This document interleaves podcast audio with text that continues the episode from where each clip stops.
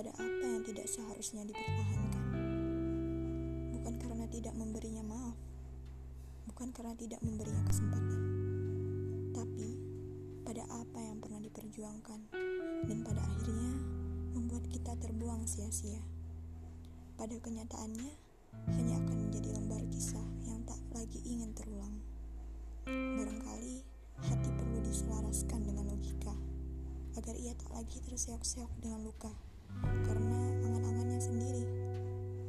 Karena sesungguhnya